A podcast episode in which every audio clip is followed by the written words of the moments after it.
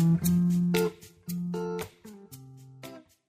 Günaydınlar, herkese merhaba. Radyo Gedi'nin sabah programına hoş geldiniz. Bugün 19 Eylül Salı, günün öne çıkan haber başlıklarına bakacağız birlikte.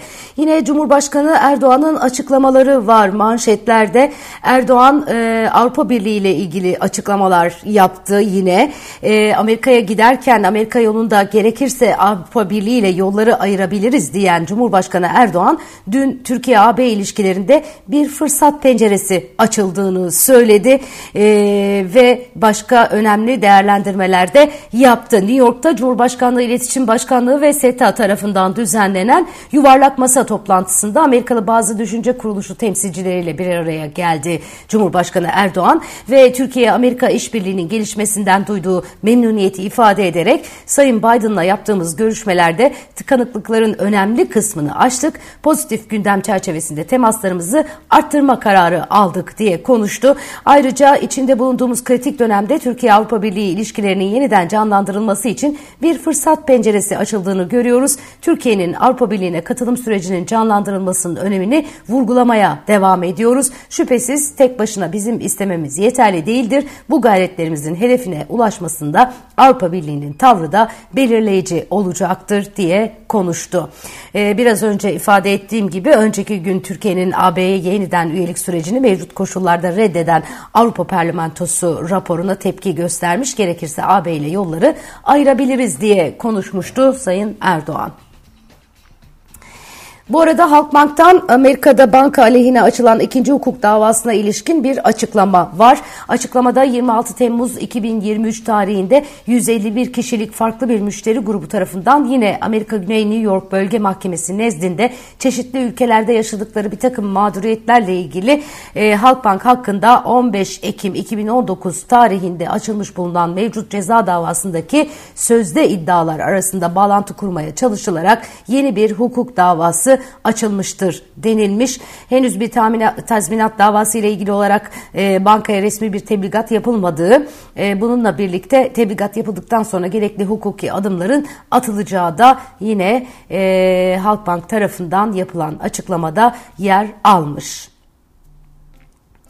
Merkez Bankası tarafından bankalara gönderilen uygulama talimatına göre kur korumalı hesapların TL mevduat sayıldığı komisyon uygulaması sona erdi. Komisyon uygulamasında Türk lirasına geçiş ve yenileme oranları belirleyici olacak. Uygulama talimatına göre Türk lirasına geçiş ve yenileme oranı %100'ün altında olan bankalara yıllık %8 oranında, %100'ün üzerinde olan bankalarda ise bankalara ise yıllık en fazla %4 olacak şekilde Türk lirasına geçiş oranına göre komisyon komisyon uygulanacak. E, bugün TEB'den e, bir açıklama vardı. E, diyorlar ki kur korumalı mevduat e, misyonunu e, tamamlıyor. E, e, TEB Genel Müdürü'nün açıklamaları yine bugünün manşetlerinde yer almış. Önüme çıkarsa sizlere bir kez daha aktarırım e, detaylarını.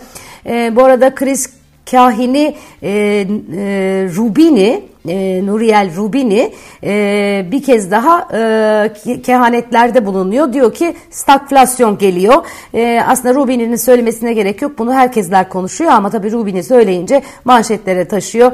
Ünlü ekonomist Rubini Avrupa Merkez Bankası ve İngiltere Merkez Bankası'nın stagflasyonu önlemek için faiz oranlarını arttırmaya devam etmesi gerektiğini vurgulamış. Petrol fiyatlarındaki son artışın manşet enflasyonu yüksek tutacağını savunan ve daha gevşek para politikasından bahsetmenin erken olduğunu söylüyor söyleyen Rubini, ECB ve e, Bank of England'ın yani Avrupa Merkez Bankası ve İngiltere Merkez Bankası'nın e, e daha büyük e, Amerikan Merkez Bankası'ndan daha büyük bir ikilemle karşı karşıya olduğunu çünkü Avrupa'da fiyatların hala hızlı arttığını ve büyümenin yavaşladığını söylemiş. Bloomberg'e konuşmuş Rubini faizlerinde %5,75'e kadar yükseltilmesi gerektiğini söylüyor. Evet, Merkez Bankası'nın TL mevduatı destekleyici yeni uygulama talimatına göre TL mevduatın toplam mevduat içindeki payını arttırmaya yönelik olarak aylık Türk lirası payı artış hedefi %2'den %2,5'a yükseltilmiş. Kur korumalı hesapların TL mevduat sayıldığı komisyon uygulaması sona erdi. Diğer yandan ihracat ve kobi kredilerinde fatura muafiyet sınırı 50 bin liradan 250 bin liraya çıkarıldı. Politika faizin e, faiz kararının açıklanacağı bu kritik haftada Merkez Bankası Türk Lirası tasarruf ve yatırım aracı olarak Türk Lirası'nı e, destekleyen yeni adımlarıyla e, haftaya başladı. Yerel parayı güçlendirmeye yönelik olarak hem standart TL mevduatı destekleyen hem de kur korumalı hesaplarda standart TL mevduata geçişi özendiren yeni adımlar atıldı. Evet yavaş yavaş e, çıkılacağını biliyoruz zaten e, kur korumalı mevduattan. Şimdi onunla birlikte bazı yeni adımlar geliyor. Konut fiyatlarındaki aylık artış hızlanmış. Merkez Bankası verilerine göre Temmuz ayında konut fiyatları bir önceki aya göre %7,33 artmış. Haziranda aylık artış %4,90 olarak kaydedilmişti. Yıllık tarafa bakıldığında ise Temmuz'da artış %94,66 oldu. Böylelikle yıllıkta 1,5 yılın en düşük artışı görüldü. Ee, üç büyük şehir arasında İstanbul'da konut fiyat artışının yavaşladığı görülürken Ankara'da Temmuz'da 3 haneli artış dikkat çekiyor.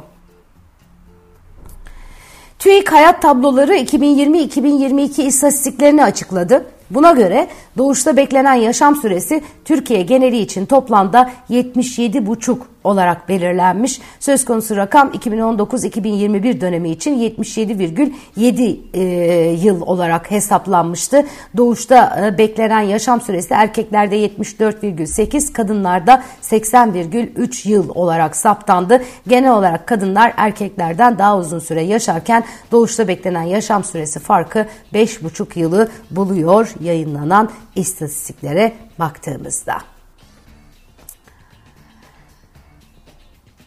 Evet Almanya yenilenebilir enerji konusunda iddialı. Ee, bu alanda %50 hedefini aşacakmış.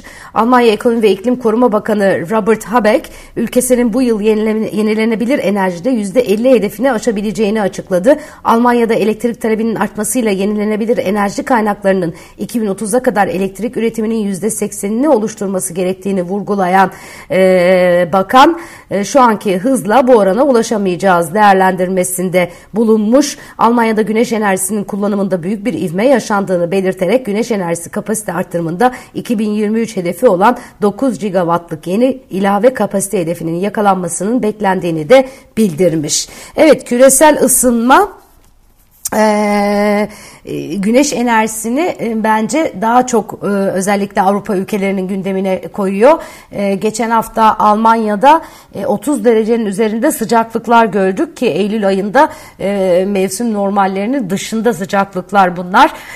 Dolayısıyla güneş enerjisinden yararlanacaklar. Fakat tabii bu enerjide tasarruf politikaları hayatı da zorlaştırıyor. Bilmem dün bahsetmiş miydim?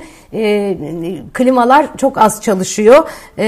Epeyce bu sıcaklıklar sıcaklarda bunaldık biz de orada. E, bir denge oturtmaya çalışıyorlar. Bugünden e, gelecek yıllara hazırlık konusunda da son derece başarılılar. Onu da söylemek, haklarını vermek lazım.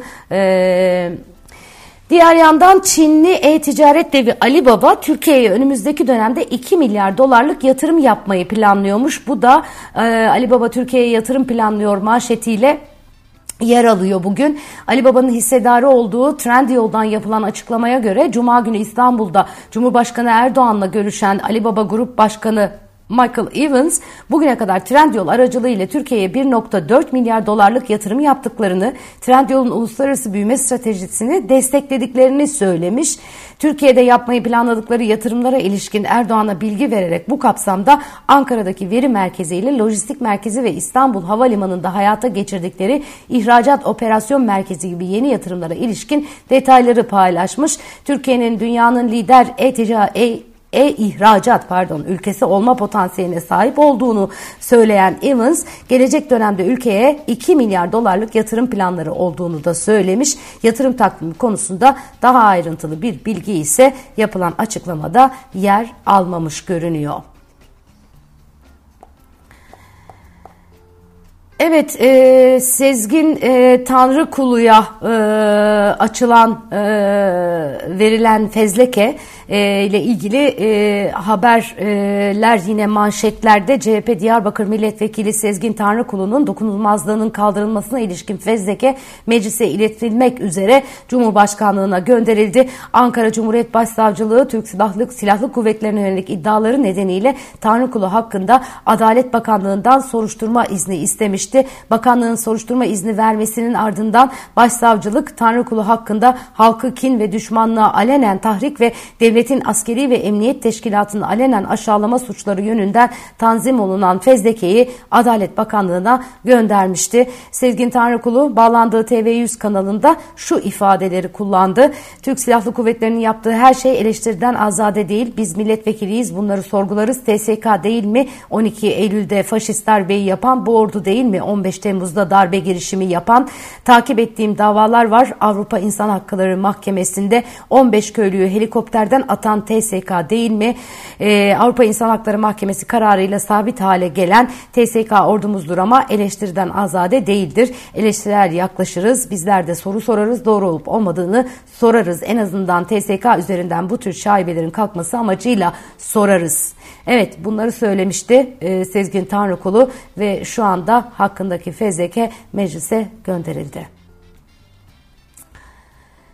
Evet başka neler var? Şöyle bir bakıyorum. Avrupa Birliği üyesi ülkelerin temsilcilerinin oluşturduğu AB Konseyi, AB Komisyonu'nun Türkiye, İtalya ve Romanya'ya toplam 454.8 milyon euroluk afet yardımı yapmasının onaylanmasında uzlaşmış. Yardımın 400 milyonu Şubat ayında meydana gelen Kahramanmaraş merkezli deprem nedeniyle Türkiye'ye gelecek.